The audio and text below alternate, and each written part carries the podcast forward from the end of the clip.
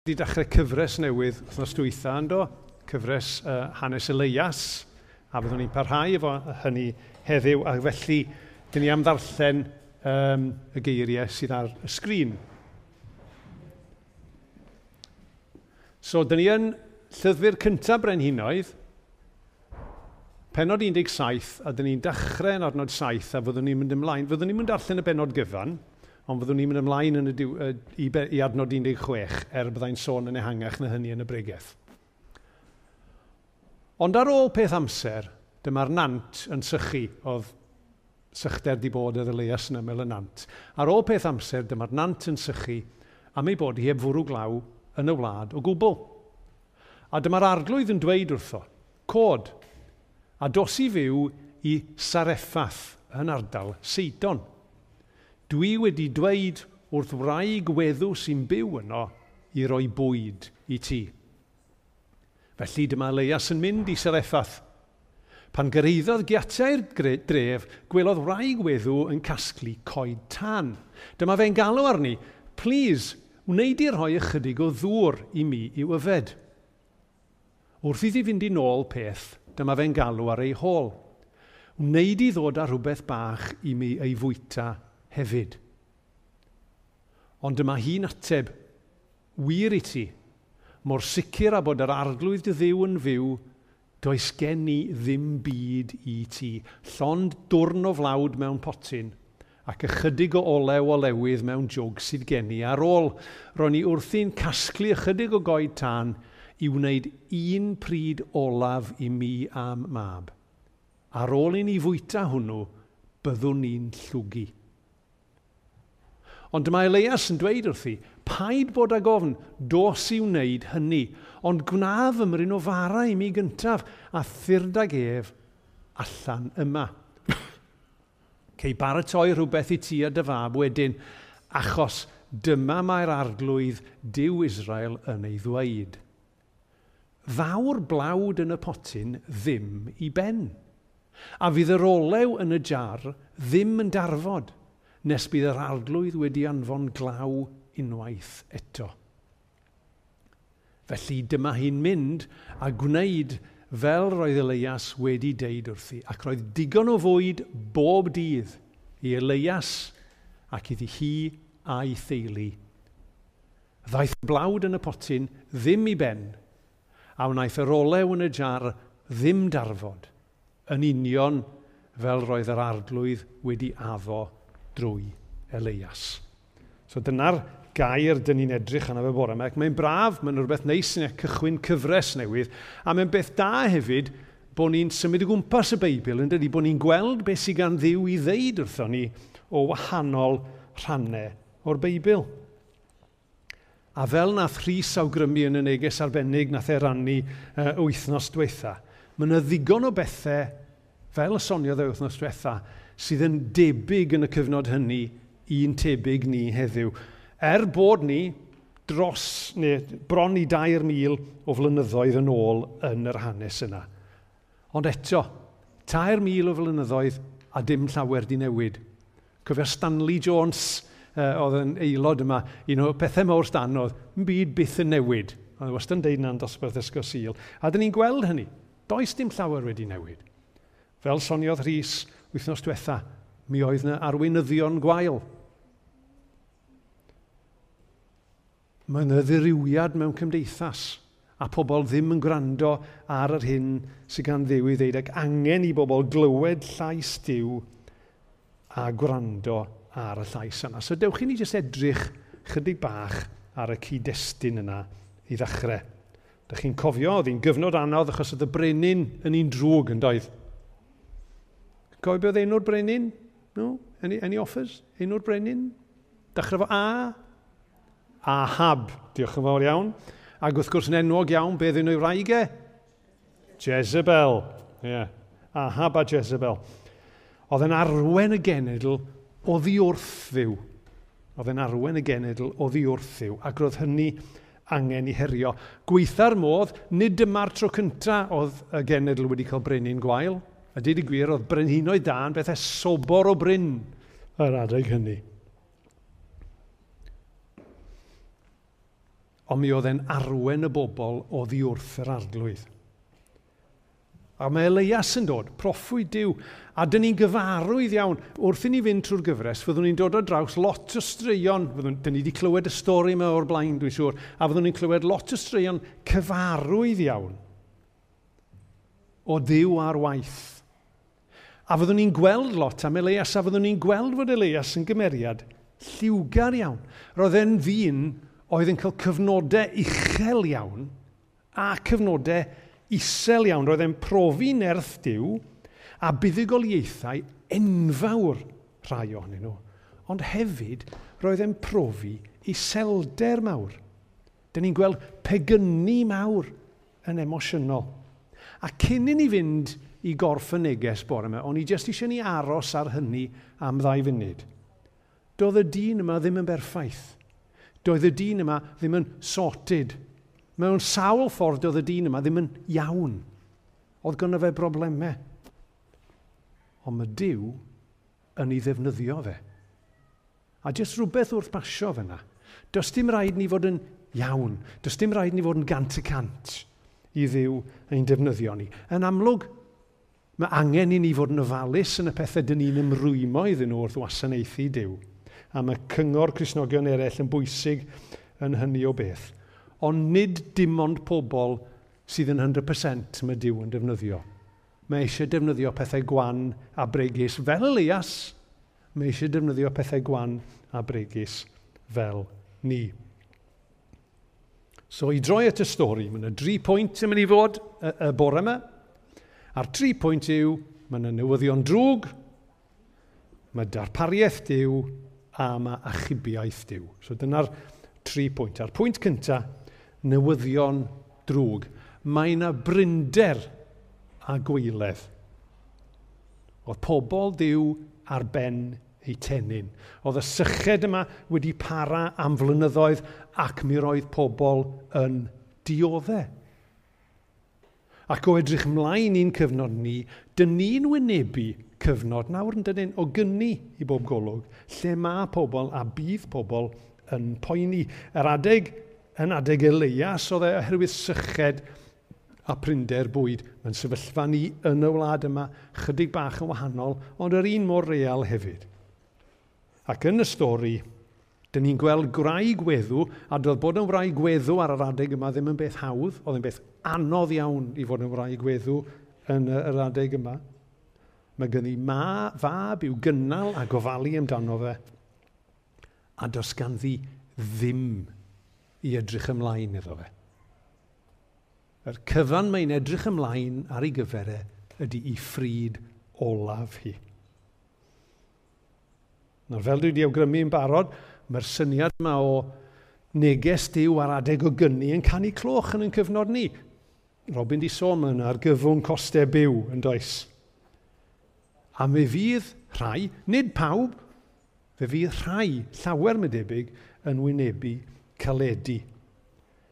A mae'n bwysig i ni ddelio ar peth. A mae'n bwysig i ni jyst cyffwrdd un peth yn awr. Chos yn y stori yma, mae'r sychder yn codi achos bod Dyw wedi ei achosi e.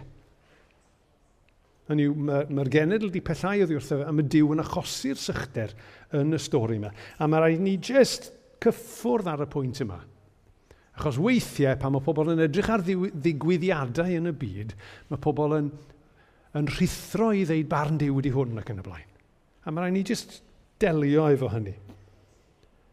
Nawr pan dyn ni'n edrych yn ôl yn benodol i'r hen testament, Dyna ni'n edrych ar hanes bobl ddiw, oedden nhw'n genedl benodol, mewn gwlad benodol, ar dir penodol. Os dyn ni'n edrych ymlaen i'n cyfnod ni, mae pobl ddiw ym mhob man. So mae rhaid ni fod yn ofalus pan dyn ni'n darllen pethau i fewn, o cosb diw wedi hwn ac yn y blaen. Yr un peth y medrwn ni fod yn sicr yn dan fe yn y cyfnod ni yw, mae reality yw, dyn ni yn byw mewn byd – sydd wedi troi cefn ar ddiw. Lle mae diw wedi gadael pobl i'w dymuniadau, chwantau hunain. Mae diw wedi edrych ar y ffordd yn un ymddwyn ac mae wedi dweud, ffyrna ydych chi eisiau mynd, ffwr â chi. Dyna mae'n deud wrth y byd. Mae'n adnod oes sydd yn deud, felly mae Dyw wedi gadael iddyn nhw fynd eu ffordd eu hunain. A dyna beth ni'n gweld yn y byd. Mae pobl eisiau mynd ei ffordd yn hunain a mae Dyw yn ein gadael nhw i fynd i ffordd yn hunain. Dyna di reality, byd sydd wedi syrthio, byd sydd wedi troi cefn ar ddiw. A mae hynna yn effeithio'r greadigaeth ac mae e weld yn y greadigaeth. Mae yna adnod arall dyn ni'n darllen sy'n deud hyn. Dyn ni'n gwybod bod y greadigaeth gyfan yn gryddfan fel gwraig sydd mewn poen wrth enni plentyn. Mae hyd yn oed y greadigaeth yn gwybod ac yn dangos bod rhywbeth wedi torri. Bod pethau ddim fel y dyliau nhw fod. Ac mae hynny'n golygu yn bod ni'n gweld newyn a ffrinder. Ond wrth gwrs, ar ben hynny, mae gynnon ni hunanoldeb yn does. Ar ben hynny, mae gynnon ni'r hunanoldeb greddfol yma sy'n gweithygu pethau, lle mae rhai yn gyfforddus ac eraill yn stryglo. Yn cael trafferth dod â dau ben llun yn ynghyd. So mi oedd yna newyddion drwg bryd hynny, a ma'n y newyddion drwg o'n cwmpas ni nawr. Cwestiwn yw sut yn ni'n ymateb. Ymateb y wraig o i galonyn, fe? A dyna fydd ymateb llawer yn yn hoes ni, ond yn lle ni, ydy gwneud fel y gwnaeth Elias a dweud bod gobaith yw gael. A bod na newyddion da yng nghanol realiti'r anobaith yna. A mae hwnna'n dod â ni mlaen i'r ail bwynt. A'r ail bwynt yw darpariaeth diw i ni a trwom ni.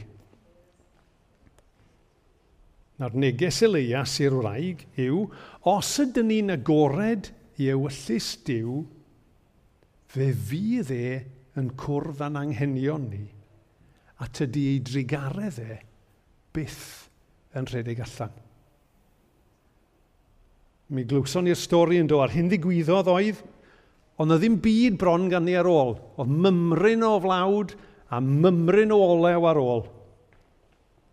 Ac fe lefarodd Elias fel roedd Dyw wedi deitha fe, a'r hyn ddigwyddodd oedd bod y blawd yn y potyn a'r olew yn y jar byth yn rhedeg allan.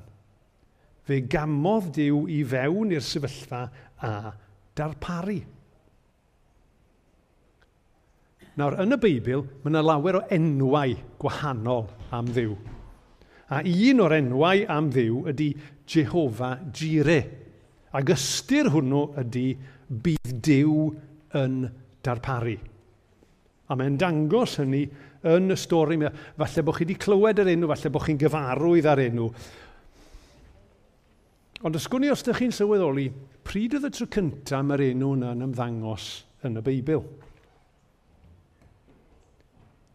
Achos mae'r ymddangosiad cyntaf yn y Beibl yn deud rhywbeth am ddarpariaeth diw.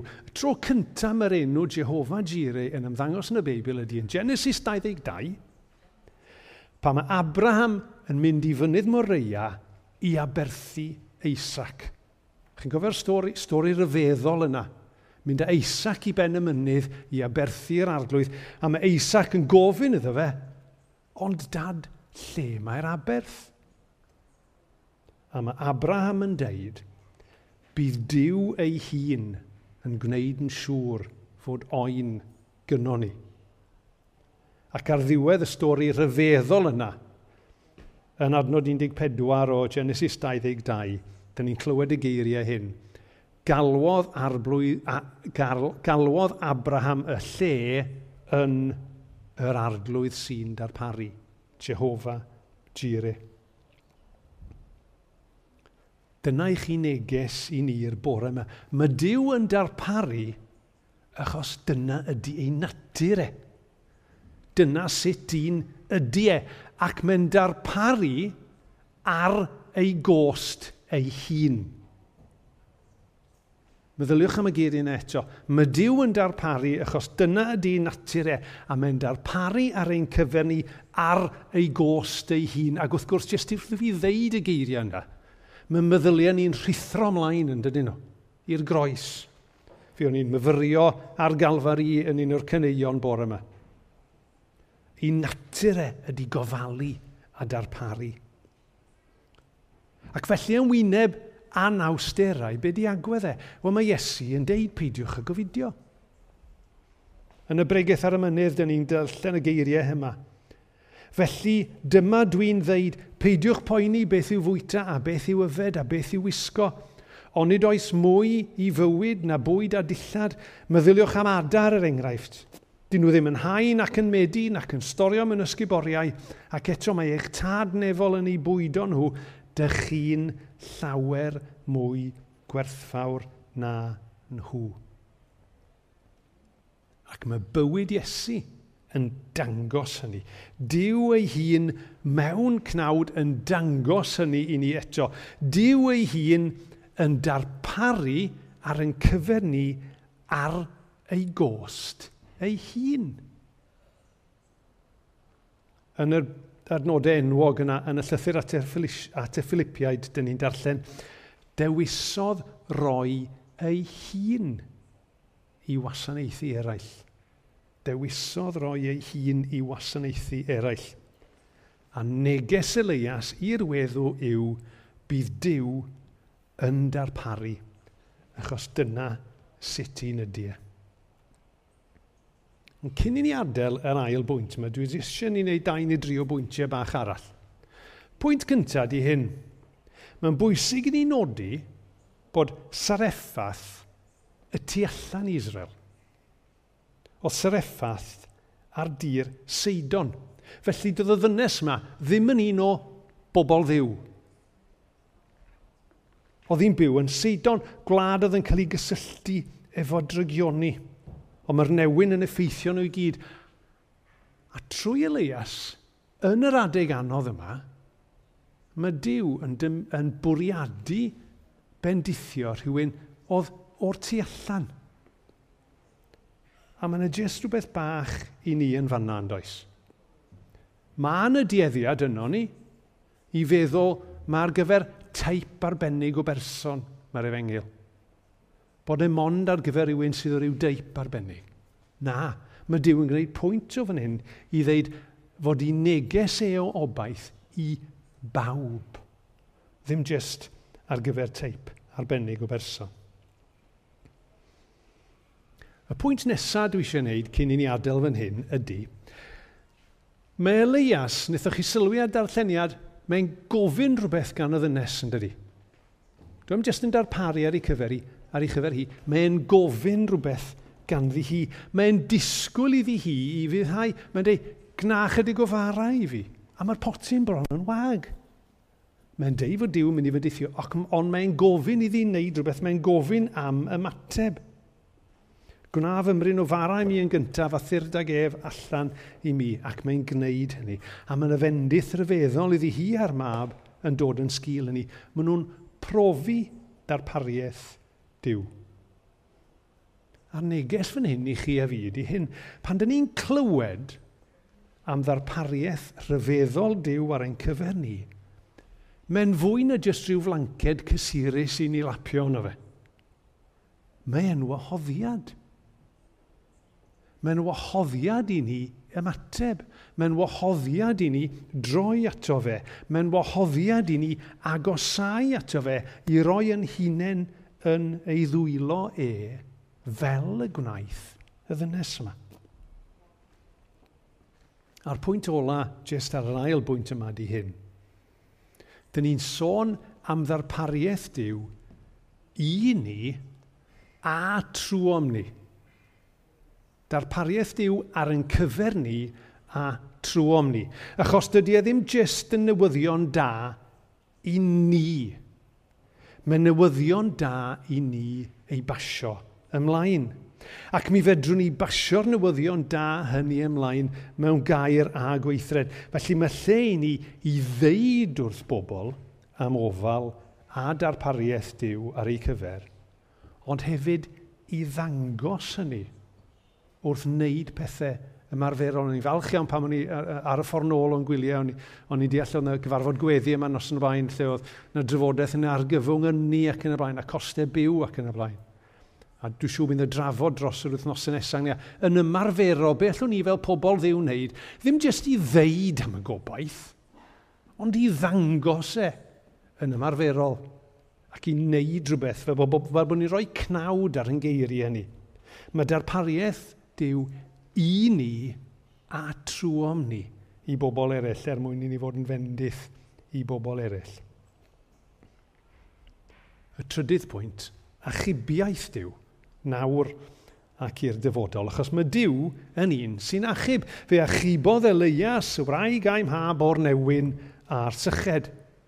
Ond fe sonies i, pam o'n i'n gwneud y darlleniad, o'n i'n stopio yn uh, adnod 16, dwi'n meddwl, neu adnod, dwi'n gwael, adnod 16, dwi'n meddwl. Ond pe bawn ni wedi mynd ymlaen, mi fydden ni wedi darllen am argyfwng arall nath godi. Achos fe aeth mab y wraig weddw yn sal, ac fe farwodd e. Gafodd ei daro'n wael ac yn amarw, a mae'r wraig yn troi at Elias a mae'n siarad yn blaen iawn gydag e. Dim yn malu geiriau, mae'n siarad yn blaen iawn gydag e. Ac mae Elias yn ymateb, a mae'n troi at ddiw, a mae'n galw ar ddiw i wneud gwirth arall y mywyd y wraig oedd wedi rhoi cartref iddo fe. Ac mae diw yn ymateb, ac mae'n achub yn wirthiol. Mae'r bachgen oedd ddim yn anadlu yn dod yn ôl yn fyw, ac mae'r wraig yn ymateb gan ddeud, nawr dwi'n gwybod dy fod ti'n broffwyd go iawn a bod yr arglwydd wir yn siarad trwy ti. Mae Dyw yn dangos ei allu goriwch naturiol. Mae'n dod ar bachgen yn ôl yn fyw ac mae'n dangos ei allu.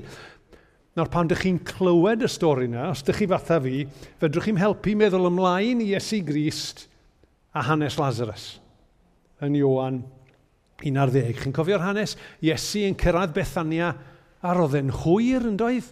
Oedden nhw wedi gofyn iddo fe ddod, ond nath e ddim mynd ar unwaith, a dyma fe'n cyrraedd yn hwyr, ac erbyn iddo fe gyrraedd, oedd Lazarus wedi marw. A dyn ni'n cofio'r dialog yna rhwng Iesu a Mair a Martha, lle oedden nhw'n gwaredu, tasau ti jyst i dod ynghynt. Ond dewch i ni feddwl am yr hanes yna, am beth ddigwyddodd. A sut nath Iesu gyflawni gwirth yn fanna? achos mi nath e gyflawni'r wirth yn gyhoeddus iawn. Mi ath e at y bedd. Mi weddiodd e yn chel efo pobl yn gwylio ar ei dad, yn gofyn i'w dad uh, i, i, i gyfodi Lazarus. A mae eiriau fe'n drawiadol iawn. Mae'n deud hyn, Dad, diolch i ti am wrando arna i.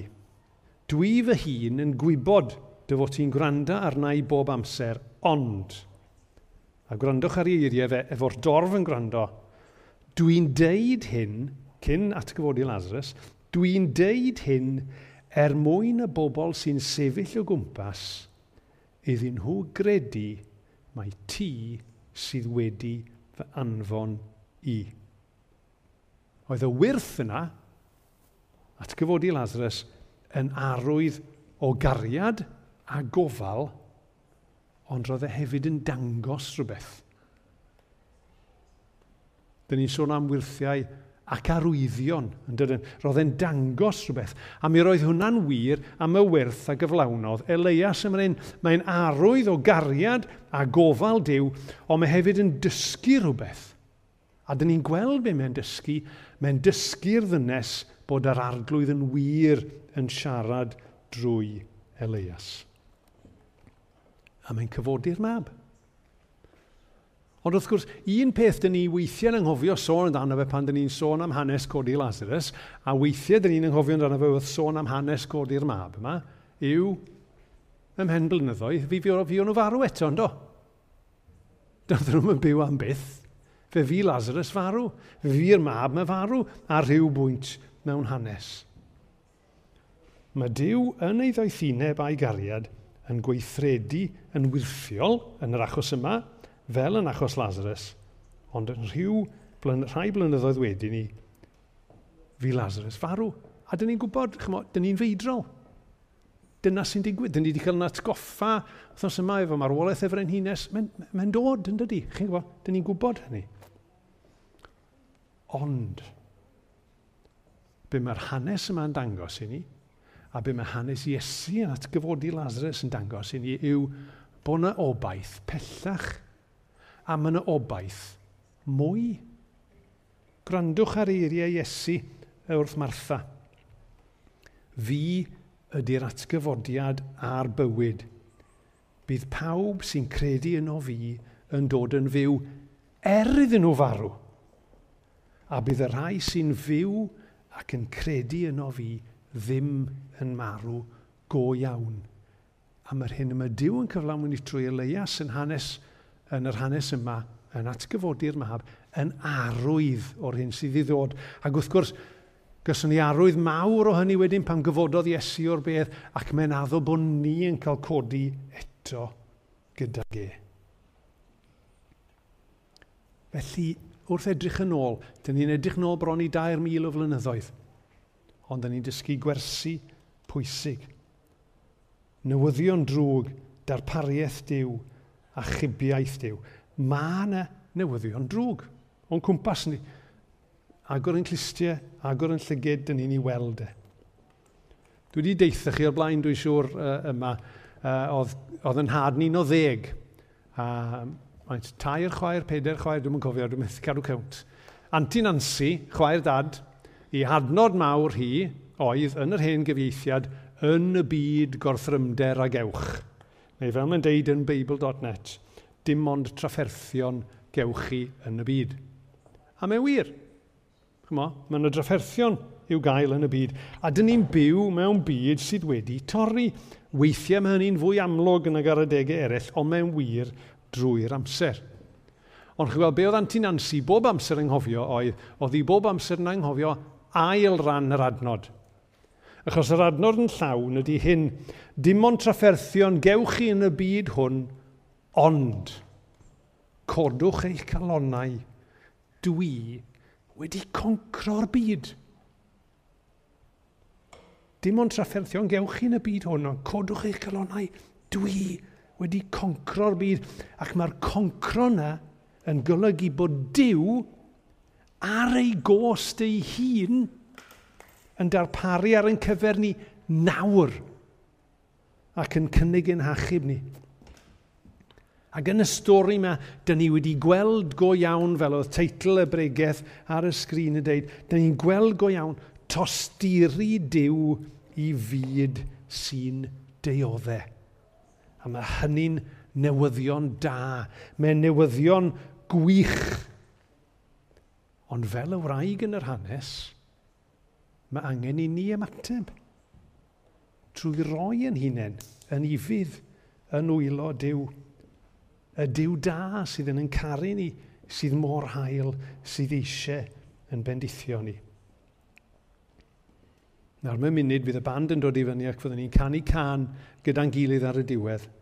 A dwi jyst eisiau adrodd citgan y gan yna, os newn ni jyst plygu'n pennau ac adro, a, a jyst gwrando ar geiriau citgan y gan yna, y byddwn ni'n meddwl amdano ar y diwedd, achos dyma'r diw dyn ni'n troi ato fe. Dyma'r diw dyn ni'n troi ato fe yng nghanol y newyddion drwg, yr un sydd yn darparu ac yn achub. Dyma'r geiriau. Ar hyd fy oes, ti sydd yn ffyddlon. Ar hyd fy oes, fe fi ost mor, mor dda. A phob un anadl sydd gennyf, fe gana fi am ddaioni fy new. Ac arglwydd dyn ni eisiau ymateb. Dyn ni eisiau clywed y neges gysurus yma, ond dyn ni eisiau ymateb hefyd drwy roi yn hunain yn dylawdi er mwyn denw. Amen.